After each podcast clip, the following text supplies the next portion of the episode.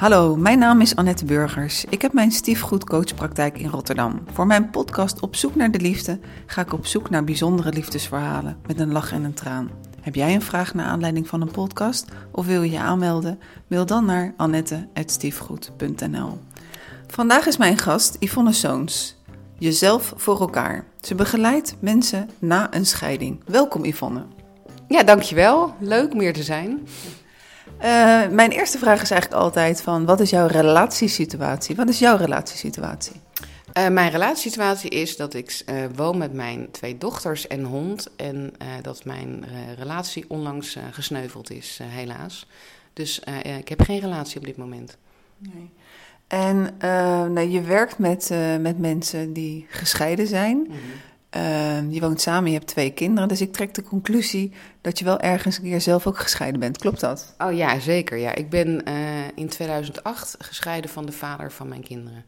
En toen waren mijn kinderen nog uh, heel klein, die waren drie en vijf. Mm -hmm. um, en hoe lang was je huwelijk? Uh, ik ben zeven jaar getrouwd geweest en tien jaar samen. En kan je je nog herinneren waar jullie elkaar ontmoet hebben? Uh, ja, dat kan ik zeker. Op ons werk hebben we elkaar ontmoet. Wij waren een, een origineel, ik noem dat een bankstel. Wij werkten allebei bij een bank. Dus dan krijg je een bankstel. En hoe ging dat? Uh, hoe, vorm je dan ineens een bankstel als je collega's bent? Het is altijd, er wordt natuurlijk heel veel geromantiseerd gepraat over hoe spannend het kan zijn als je collega's bent. Maar hoe was het voor jullie? Uh, nou, het, uh, wat je had was een vrijdagmiddagborrel. En ja, dan blijf je op een gegeven moment met z'n tweeën daar hangen. En dan, ja, dan ben je ineens een stelletje. Zo gaan die dingen. Dus het is, ja, collega's. Niet directe collega's waren we. Dus we waren, zaten niet boven op elkaars lip. maar we hebben ja, een hele leuke tijd toen gehad. Het was werken en lol, veel leuke dingen doen. Ja, en op een gegeven moment ga je, trouw je dan en komen er twee kinderen. En dan wordt het leven ineens toch iets anders dan daarvoor. Mm -hmm. Hoe anders werd het? Ble bleef, bleven jullie ook wel bij elkaar blijven werken? Uh, nee, hij is naar een andere bank gegaan. En, uh, dus, uh, en uiteindelijk ben ik ook naar een andere bank gegaan. Dus nee, we bleven niet samenwerken. Um, ja, en hoe werd het anders? Uh, het, het, het, leven met kinderen is sowieso anders. Je, je, de, daar hebben denk ik toch een heleboel mensen een heel geromantiseerd idee bij. Dat je uit liefde komen er kinderen en dan je, uh, denk je dat je het samen eens bent over hoe je dat samen doet.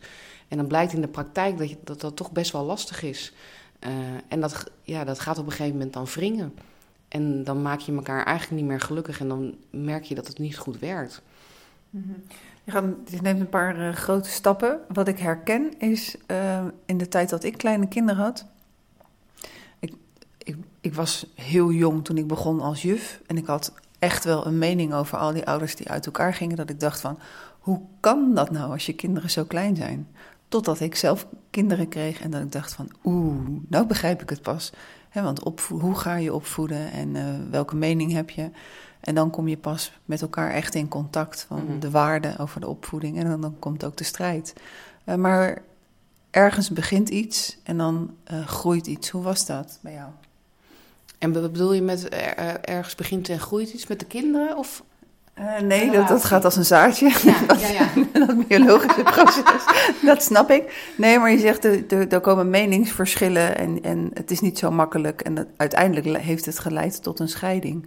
Dus waar is, uh, waar is de afstand begonnen? Of het uit verbinding gaan, of de irritatie, of kan je dat terug herleiden? Dat kan ik zeker terug herleiden. Um, um, ik was altijd een hele uh, hardwerkende uh, moeder. Nou, in de bankenwereld er zaten, zaten niet uh, heel veel vrouwen in de, destijds, dus je kunt je er wel een beeld van schetsen, denk ik. Um, en ik vond mezelf eigenlijk nooit zo'n moeder-moeder. Totdat ik kinderen kreeg. Um, en ik wist twee keer niet van tevoren of het meisjes of jongens waren. Ik vond mezelf ook geen meisjesmoeder. Nou, ik heb dus twee meisjes gekregen. En ineens, ik sloeg om van de hardwerkende moeder naar, nou, zeg maar, de roze kleertjesmoeder. Um, ik denk dat dat deels te maken had met het feit dat er heel veel liefde was voor mijn kinderen. Maar daarbij ook uh, ja, een, een, soort jezelf weer opnieuw uitvinden als moeder. En daarbij blijven werken. En dan ook nog een relatie hebben. En ik denk dat ik daar nou ja, keuzes in heb gemaakt waarvan ik nu denk, daar had ik misschien eerder over moeten gaan praten. om te kijken hoe we daar samen nog uit zouden komen. Maar ja, je groeit een beetje uit elkaar. En ik heb me heel erg gericht op de kinderen. Je zegt even van, uh, je hebt, hebt, keuzes gemaakt. Kan je een voorbeeld geven? Wat voor keuzes? Nou, ik denk dat het geen bewuste keuzes waren, maar onbewuste keuzes. Dat de liefde voor mijn kinderen zo groot dat ik daar heel erg op ging focussen. Want daar kreeg ik veel uit, voor mijn gevoel veel uit terug. Um, en ik heb dat zelf nooit zo bewust gezien. Maar als ik nu terugkijk, hè, het is in 2008, is natuurlijk al eh, twaalf jaar ruim geleden. Ja, was ik toch niet uh, de, de, uh, ja, net na mijn bevallingen de beste versie van mezelf. Het ging heel erg over het kind. En ik, ik denk dat de ander zich daarbij afgewezen en buitengesloten heeft gevoeld. En dat is denk ik ook iets wat best wel logisch is als een, kind uit. natuurlijk, als je een kind borstvoeding geeft, een kind komt van een moeder. En zonder daarna heel dramatisch over te doen ik heb me gewoon nooit zo gerealiseerd dat de band die ik, daar, dat ik die, met de kind, die ik met de kinderen had, eigenlijk mijn, meer mijn prioriteit hadden dan de relatie met mijn partner. En ik had me moeten realiseren, als ik nu terugkijk, dat ik naast dat ik moeder werd, ook die partnerrelatie dat ik daarin moest investeren. En dat is denk ik dat iets wat je pas ziet op het moment dat, het, dat de barstjes zijn ontstaan. En dan krijg je verwijdering. En dan krijg je ook dat de moeheid mee gaat spelen. Um, het zorgen voor de kinderen, je werk. En dan op een gegeven moment wordt de verwijdering eigenlijk alleen maar groter. En dan is het barstje wordt een scheur. En die scheur valt gewoon niet meer te lijmen. En wij, natuurlijk hebben wij nog geprobeerd er iets aan te doen. En zijn weer, een, net als uh, denk ik iedereen, in relatietherapie gegaan. Maar toen was de scheur eigenlijk al te groot. Ja, dus je zat om kwart over twaalf uh, in de relatietherapie? Ja, absoluut. Ja. Mm -hmm. ja. En dan komt op een gegeven moment dat de een het gesprek begint van zullen we dan niet toch uit elkaar? Kan je dat nog herinneren? Um, ja, dat kan ik me in zoverre herinneren dat het voor mij. Um, uh, het, het, uh, ik ben degene geweest die dat heeft gezegd. En dat was eigenlijk een, uh, bes, een beslissing die ik moest nemen omdat ik voor mezelf eruit was dat het gewoon niet meer ging werken op deze manier. Um, dus ik kan me dat gesprek nog heel goed herinneren. En ja, de, de boosheid en, de, en het verdriet en de wanhoop bij beide partijen ook. Ja. Mm -hmm. Want ik denk dat, uh, als ik voor mezelf spreek, um, het was voor mij een beslissing om, het voor mezelf vol te blijven houden. Hoe gek dat misschien ook klinkt, maar... Ik, uh, om te overleven bedoel je? Ja, om maar niet aan onderdoor te gaan. Omdat ik mezelf zo aan het uh, uh, wegcijferen was in, uh, in, in allerlei rollen. en alles zo perfect wilde doen, waarbij dat eigenlijk al niet meer lukte. Dat ik daar gewoon aan onderdoor zou gaan. Ja. ja. En ik denk dat, dat de emoties bij beide partijen. ook bij de, bij de vader en ook mijn moeder, als moeder. Maar ook denk ik bij de ouders die ik hier in mijn praktijk wel spreek is de, de, de wanhoop en de boosheid en, en, en de angst dat, dat, het, ja, dat je het eigenlijk het niet goed hebt gedaan voor je kinderen. En dat je gefaald hebt als ouder. En in mijn geval heb ik ook gefaald, denk ik, als partner. En voel, voel je je mislukt. En, en dat maakt eigenlijk dat het uh, lastig wordt om echt goed uit elkaar te gaan. Zeg je nu eigenlijk dat um, Mm, dat, is, dat het jou overkomen is en dat je dat ook heel veel in de praktijk ziet, dat het eigenlijk een boosheid is uh, op jezelf die je projecteert op de ander, waardoor het een vechtscheiding uh, wordt, heel vaak. Nou, het is niet, niet eens, denk ik, de boosheid um, van mezelf. Het is heel erg de, te, de teleurstelling in mezelf. Het, het, eigenlijk, het, je, wil, je, je, je maakt een gezin en je wil kinderen op de wereld zetten omdat je daar samen een drive in hebt. En ik heb me heel erg schuldig gevoeld naar mijn kinderen vooral. Maar ik ben ook heel erg teleurgesteld in mezelf geweest dat het niet gelukt is.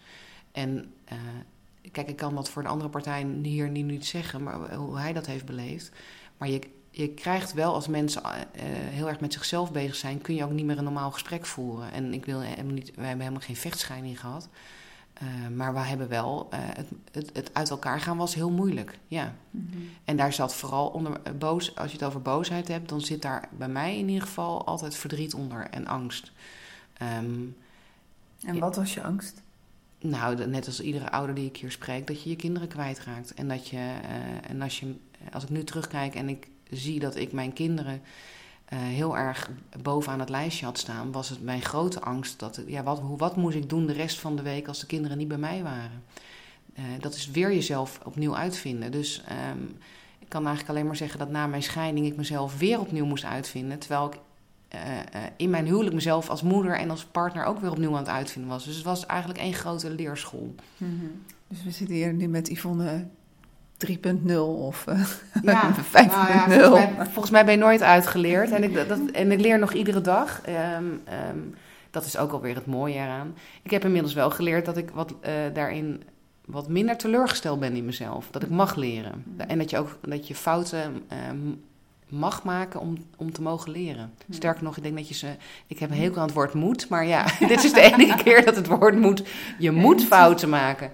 Uh, en het is tijd doet veel. Uh, uh, en ja, terugkijken op wat er is gebeurd, dat is gewoon een hele mooie vorm van zelfreflectie. Mm. En dus als ik het nu uh, opnieuw zou mogen doen, dan zeg ik, ja, scheiden kun je leren. ik hoop niet dat ik het ooit nog een keer hoef te doen. Maar ja, ik zou het wel anders aanpakken, met de wijsheid die ik nu heb. Mm -hmm. Dan is natuurlijk een logische vraag, hoe zou je dat dan aanpakken? Veel meer vanuit het belang uh, van de kinderen denken en kijken naar wat is goed in, uh, uh, voor hun. En daarbij me, proberen mijn eigen verdriet even te parkeren. Um, en te gaan zorgen dat ik hulp zou krijgen voor mijn eigen verdriet en mijn eigen angst om mijn kinderen kwijt te raken. En dat niet te projecteren op het, de scheiding en op de, op de andere ouder. Mm -hmm. Hoe oud waren de kinderen toen? drie en vijf. Mm -hmm. Kan je je nog um, herinneren dat jullie het hen vertelden? Die van drie, die hadden geen, niet echt weet van hebben gehad. Die van vijf misschien wel. Ik was zelf vier toen mijn ouders gingen scheiden. En als ik de verhalen mag geloven, dan had dat echt wel effect op mij. Ik ging naar buiten, de straat op, ik ging mensen aanvallen. Echt oh. heel bizar. Terwijl ik een heel lief verlegen meisje was. Ja. Maar dat deed ik wel. Uh, dus hoe ging dat toen jullie de kinderen vertelden? Nou, ik zou heel eerlijk zeggen, dat kan ik me niet meer herinneren. Dat, dus dat zegt ook wel iets over uh, hoe hoog de emoties waren. Um, ik kan me dat gesprek helemaal, daar kan ik me, daar kan ik niks van herinneren. En ik, uh, volgens mij mijn kinderen ook niet. Dus uh, dat, dan blijkt toch maar weer dat emoties je heel erg overnemen. En dat je toch in een soort uh, roes leeft. Waarbij dingen. Ja, je, je moet een aantal stappen zetten. En kennelijk zet je die maar toch in een soort roes. En ik kan me daar, ik kan me daar bewust in ieder geval niks meer van herinneren. Hmm. Nou, uiteindelijk ging hij uit huis of jij? Ik ging uit huis. Ja. Met, uh, met de omgangsregeling van een week op en een week af? Nee, niet week op, week af. Wij hebben halverwege de week gewisseld op woensdag. En wat kan je daarvan herinneren? Want dat is nogal uh, een klus. En ik herken wat je toen straks zei. Want toen ik na mijn scheiding alleen kwam en dan... Bij mij waren ze de hele week en ze gingen dan het weekend naar hun vader. En dan was ik de zaterdagavond alleen thuis. En ik vond het zo zielig als ik alleen thuis was... dat ik per se niet alleen thuis wilde zijn continu de hort op ging, met alle gevolgen van dien. Maar ik kon niet alleen thuis zijn, want dat was zo zielig. Nou, dat klinkt heel herkenbaar. Um, voor mij was de zaterdagavond ook de moeilijkste avond van de week. Um, en ik uh, zie dat ook bij, weer bij de ouders die, die ik hier coach. Uh, die vinden het alleen zijn ook heel lastig. Ja, en wat ga je dan doen? Uh, meestal ga je vluchten. en dan ga je afspraken maken en zorgen dat je agenda gewoon vol staat. Terwijl ja, uiteindelijk is het de kunst om te leren om alleen te kunnen zijn. En weer een leuk gezelschap voor jezelf te zijn. En ja, dan wordt de wereld ineens een stuk vrolijker. Dus ik heb mezelf uh, moeten hervinden in de dagen dat ik de kinderen niet had. En uh, ik denk ook dat ik inmiddels heb geleerd, en dat leer ik nu weer andere ouders, dat je in die dagen ook heel erg je eigen batterij weer kunt opladen. En ja, dat, of dat met vluchten werkt, ik denk het niet. Maar ik ben echt gaan zoeken, hoe doe ik dat dan wel? En uh, ik kan nu ook heel erg zeggen na twaalf jaar dat ik heel erg geniet van de dagen dat ze er niet zijn. Omdat ik dan mijn eigen dingen kan doen. En dat is iets anders dan dat ze drie weken op vakantie zijn hoor, in de zomervakantie. Want dat went nooit. Want uh, daar kan ik wel iets over vertellen hoe ik dat doe. De eerste week uh, doe ik nog steeds uh, allemaal leuke dingen die ik heel graag wil doen. Zie ik de mensen die ik heel graag wil zien en waar ik dan weinig tijd voor heb gehad. De tweede week doe ik ook nog leuke dingen. Soms ga ik een cursus doen of ga ik in mijn eentje op vakantie. Um, en week drie ben ik eigenlijk maar met één ding bezig en dat is aan het aftellen wanneer ik ze weer zie. En dat is nu uh, voor de uh, twaalf keer geweest en ik kan zeggen dat dat, dat blijft. Um, en dat is kennelijk mijn gebruiksaanwijzing en uh, dat leer ik van mezelf dat dat ook oké okay is. Mm een scheiding ehm, moet je verwerken. Ja, het woordje moet, maar dat is wel handig als je andere relaties aan wil gaan. Daar komt de rouw bij kijken. Hoe heb je het verwerkt? Hoe heb je het uiteindelijk een plek kunnen geven? Nou, het is mooi dat je het woord rouw noemt. Ehm, want ik heb me dus, na, eh, toen ik in scheiding lag en net na mijn scheiding, nooit gerealiseerd dat het rouw was. Ik dacht dat rouw hoorde bij ehm, eh, mensen die hun partner echt verloren dus wat ik ben gaan doen, um, ik heb ongeveer alles geprobeerd. Van uh, sporten, uh, wandelen.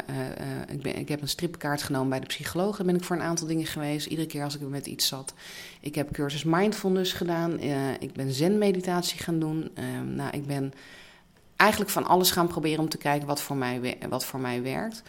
En uiteindelijk ben ik erachter gekomen dat met overal kleine stukjes uit, dat dat voor mij uh, nou ja, kennelijk werkte om de, uh, de echte scheiding te verwerken.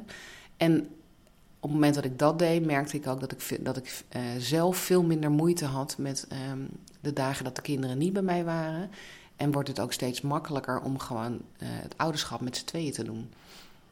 Dus ik heb geen vast protocol voor rouw gehad. Ehm, ik weet ook niet wat bestaat. Ik, ik, denk dat het voor iedereen anders is. Ik denk wel dat het belangrijk is dat mensen zich realiseren dat, uh, dat je echt een scheiding moet verwerken. En weer het woordje moet.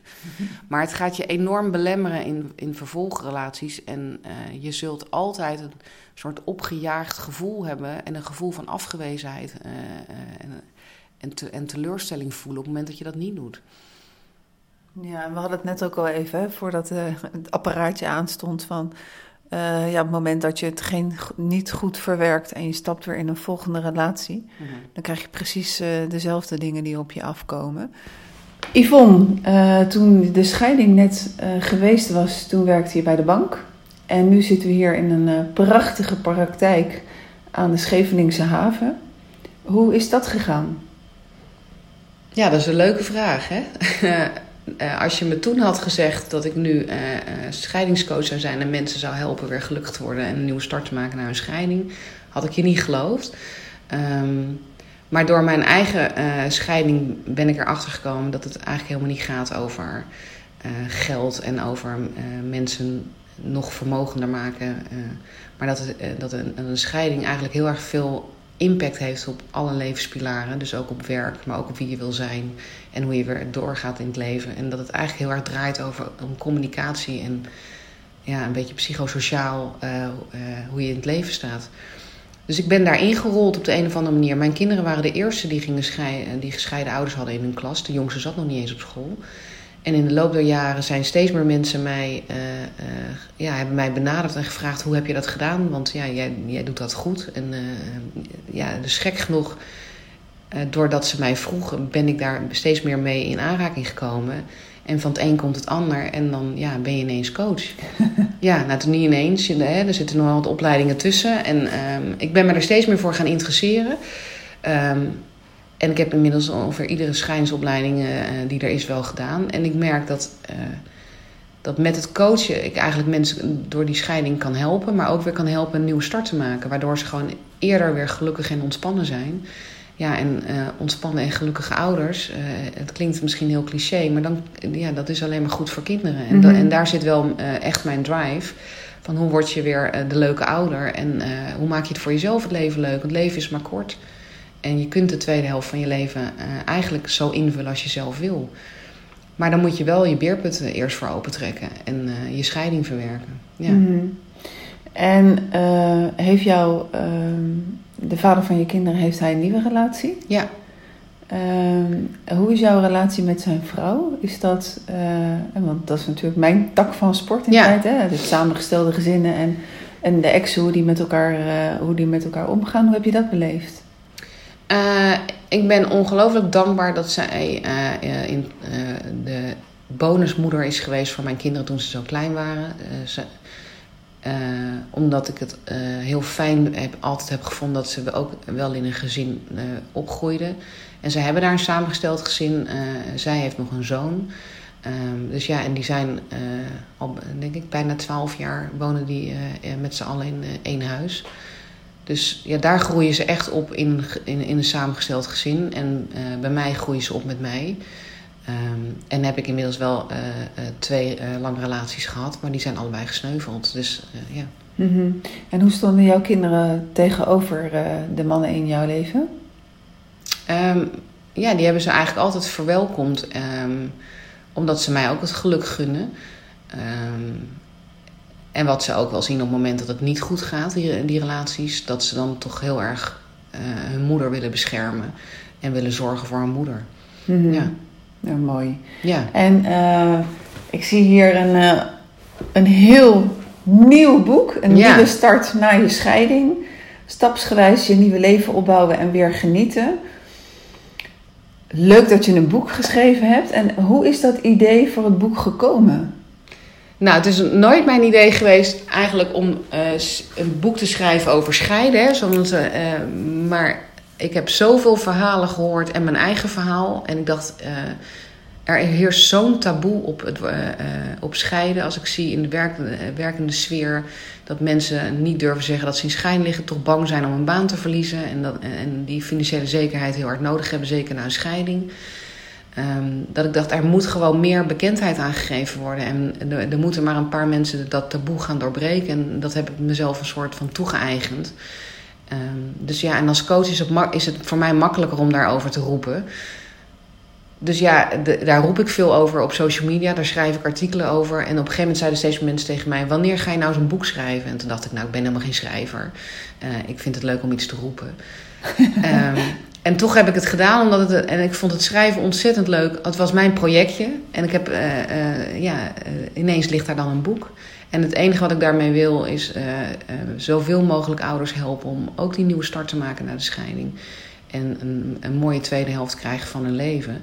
En ook te zorgen dat op het moment dat ze weer nieuwe relatie krijgen, nou, je, hè, dat is jouw werk. We hebben tegenwoordig allemaal een rugzak. En in nieuwe relaties kom je in samengestelde gezinnen, in wat voor vormen dan ook terecht. Ja, en daar heb je gewoon voor nodig om dat werkend te krijgen aan het begin alleen al, dat je je eigen scheiding hebt gewerkt verwerkt. En ja, daar gaat dit boek eigenlijk over. Mm. Het, zijn, zijn, hele praktische oefeningetjes. Uh, en er zit een mijn eigen verhaal zit daar doorheen. Er zitten verhalen uit mijn praktijk uh, doorheen die ik hier hoor die, en die ik vaak uh, terugzie. het is een stukje herkenning, denk ik. En het zijn ja, handvatten om de goede stappen in, in, in, de goede richting te gaan zetten. Mm-hmm. Als ik naar je luister, dan heb je volgens mij drie langdurige relaties gehad. je huwelijk en daarna twee in ieder geval, los van wat daarvoor en misschien. Mm wat, wat, wat, wat is nou de belangrijkste les die jij geleerd hebt met betrekking tot het hebben van een relatie? Hè? Ik zit in het onderwijs, er is geen vak mm -hmm. uh, wat relatiekunde heet uh, of zoiets. Ik mag nu wel uh, persoonsvorming geven, ja, dus dat mooi. gaat ook wel hier en daar fiets ik het woord relatie er wel in. Uh, maar er is geen, wat, wat is het, de belangrijkste les die jij geleerd hebt? Het belangrijkste les die ik heb geleerd, in, in, in, in, en dat gaat niet alleen over liefdesrelaties, dat gaat eigenlijk over alle vormen van relaties, is dat we zo vaak aannames doen en dat zoveel uh, uh, gedachten hebben over de ander, waarbij we zoveel invullen en, het niet, en niet te, uh, gaan communiceren, maar vanuit wat we denken dingen in gaan vullen en daar vanuit dat denken dan gaan handelen. terwijl volgens mij het belangrijkste is eigenlijk vragen gaan stellen. En en daarin ook onderkennen bij jezelf op het moment dat er iets in een relatie zich voordoet. Hè, of het nou zakelijk of privé is. Wat, wat is mijn rol hierin? Wat voel ik hier dan bij en waarom zeg ik dit? Dus het gaat echt over communicatie en over naar jezelf kijken. Hoe, hoe sta ik in deze relatie? Hmm. En wat kan ik uh, de ander vragen of aan, uh, van mezelf blootgeven? Of waar kan ik aan werken bij mezelf om te zorgen dat zo'n relatie soepeler loopt? Dus echt naar jezelf kijken. En, um... Ja, ik geloof dat je de ander niet kunt veranderen. En dat, uh, um, en dat zeggen meer mensen. Ik denk dat het ook verspilde energie is om de ander te willen veranderen. Het begint bij jezelf. En als je onzeker bent over jezelf, ga dan werken aan je onzekerheid. En als je. Uh, uh, en kijk waar die onzekerheid vandaan komt. En vaak komt dat natuurlijk uit, nou ja, dat weet jij ook, uit jeugd van, met geen goede hechting. Ga gewoon eens kijken of ga met iemand praten en, uh, of koop, koop een boek en ga kijken waar komt het vandaan en welke gedachten heb ik en waar komen die gedachten dan vandaan en, en wie zou ik zijn als ik die gedachten niet zou hebben. Ik denk dat het leven veel mooier is op het moment dat je uh, wel aan jezelf uh, toegeeft. Dat je een leuk leven mag leiden en dat je mag gaan kijken hoe je dat voor jezelf beter kunt maken. Mm En wat heb je nog te leren in een volgende relatie? Oeh, wat heb ik nog te leren? Oeh, ik heb altijd iets te leren. En ik weet niet of, dat, of ik dat van tevoren al weet wat ik heb te leren. Wat ik, wat, wat ik in ieder geval uh, mezelf gun, is een relatie die gelijkwaardig is. En gebaseerd is op vertrouwen. Um, ja, en ik ben enorm van um, het reizen en dingen samen doen. Um, uh, en ik heb een grote droom dat als mijn kinderen straks uh, echt volwassen zijn. Uh, ik heb een zwerfhond en ik wil eigenlijk gewoon hondjes gaan redden. En naast het helpen van mensen een nieuwe start te maken na hun scheiding. Dus ehm, ik, ik hoop dat mijn volgende relatie, als die komt, um, gebaseerd is op vertrouwen en respect. En dat we samen hele mooie dingen mogen doen. En nog heel veel ja, hondjes gelukkig gaan maken. En die hondjes gelukkig maken, is dat in Nederland of is dat dan uh, ergens in uh, Spanje of Griekenland? Of, uh... Ja, dat zou wel de voorkeur hebben, ja. ja. ja. ja. En dan al een vaste plek daar ergens? Nou, ik heb mezelf altijd beloofd, um, toen ik na, na mijn scheiding heb ik mezelf beloofd, als mijn kinderen volwassen zijn, dan ga ik in ieder geval vrijwilligerswerk doen. Ik heb altijd veel vrijwilligerswerk gedaan ik, en dat doe ik nu ook nog wel rondom scheiden.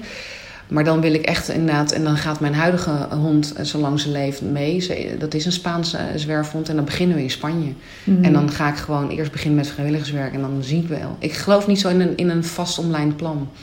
Ik, ik, eh, het leven loopt altijd anders dan je verwacht of dat je, uh, dat je, dan je hoopt. Dus ik, ik ben heel tevreden en dankbaar voor hoe het nu gaat.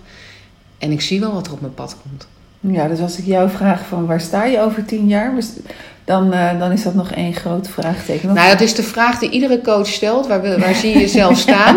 ja, iedere loopbaancoach stelt die vraag. En ik krijg altijd een beetje de kriebels van die vraag. Um, ik weet dat je, dat je sommige dingen natuurlijk kunt, kunt beïnvloeden rondom jezelf. Maar de omstandigheden kun je niet beïnvloeden. Dus je, dat, dat heeft met een heleboel dingen, een heleboel factoren te, ma te maken waar ik over tien jaar sta. Uh, ik kijk liever naar vandaag en wat kan ik vandaag doen om voor mezelf um, mooier te maken en daar dankbaar voor te zijn. Mm -hmm. En als je dan terugkijkt hè, van alle lessen die je gehad hebt en daar lering uit trekt, welke sterke eigenschap heb jij um, waardoor je trots kan zijn op jezelf, waar je nu staat, wat je bereikt hebt met je kinderen? Niet alleen financieel, maar vooral emotioneel. Welke krachtige eigenschappen heb je? Ik heb, en um, het gaat mij helemaal niet om financieel, want ik geef daar helemaal niet, niks om. Ik bedoel, je kunt met heel weinig kun je verder komen. Maar waar, uh, wat mijn kracht is, uh, uh, is denk ik de moed en het doorzettingsvermogen wat ik heb. Um, en daarbij heel erg vanuit liefde voor mezelf kies.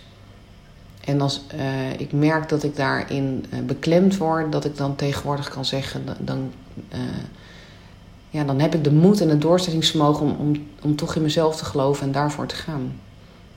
En dat is een les die ik eigenlijk probeer te leren aan de ouders die ik hier coach, maar ook heel erg meegeef aan mijn kinderen. En daar is soms best wel uh, discipline voor nodig. En uh, ja, dat is soms drijfzand. Maar uiteindelijk is op het moment dat je de moed hebt uh, en het doorzettingsvermogen om, om door te gaan in waar jij in gelooft en wie jij wil zijn. Dus dat is echt een bewuste keuze. Wie wil jij zijn, hoe wil jij in het leven staan? dan, dan kun je daar met jezelf weer ja, in het reinen komen. En dan is uiteindelijk alles wat verdrietig en pijnlijk is. Uh, hè, dat wil niet zeggen dat de relaties bij mij die mislukt zijn geen pijn hebben gedaan. Dat hebben ze zeker. Maar dat kan ik dan wel een plekje geven. Mm. Ik weet dat ik er alles aan heb gedaan om die relaties goed te houden. Nou, Yvonne, het klinkt wel heel erg dat je jezelf voor elkaar hebt. Ja, hè? Nou, nou, dat wil ik niet zeggen, want ik wil altijd leren. Maar de, de, de, mijn bedrijf heet niet voor niets jezelf nee, voor elkaar. Klopt. Het, is, het, is ook een beetje met een knipoog. He, zet jezelf, uh, maak jezelf uh, belangrijk en zet hem uh, ja, voor alle relaties. kijk hoe je jezelf daarin neer wil zetten. Nou, ik denk zeker dat jij daarin, in, in je verhaal, dat, bedankt dat je verhaal wilde delen een inspirerend voorbeeld bent voor anderen. Ik heb Dank nog één, ja, het klinkt echt zo, dat meen ik oprecht. Ik heb nog één allerlaatste vraag. Is er een vraag die ik je niet gesteld heb, waarvan jij toch nog wel graag het antwoord wil geven? Een vraag die je niet gesteld hebt. Mm. Nee, ik wil. Um, ik kan alleen maar eh, hopen dat je nog meer mooie mensen gaat interviewen. En, eh, want de liefde is eh, iets enorm prachtigs, maar het kan ook iets heel uh, pijnlijks zijn voor mensen. Ehm, maar toch geloof ik dat je met, met liefde in je leven het mooiste leven leidt. Nou, dankjewel. En ik hoop dat jij een nieuwe liefde tegenkomt waarbij je dat kan vinden. Nou, dankjewel. Ja. Nou, bedankt voor dit gesprek, Yvonne. En uh, voor de luisteraar, als je het boek wil aanschaffen, dan zou ik zeggen: ga naar de website van Yvonne Soons. En dan vind je ongetwijfeld alle gegevens. Ja. En uh, over twee weken is er weer een nieuwe podcast. Bedankt voor het luisteren en tot de volgende keer.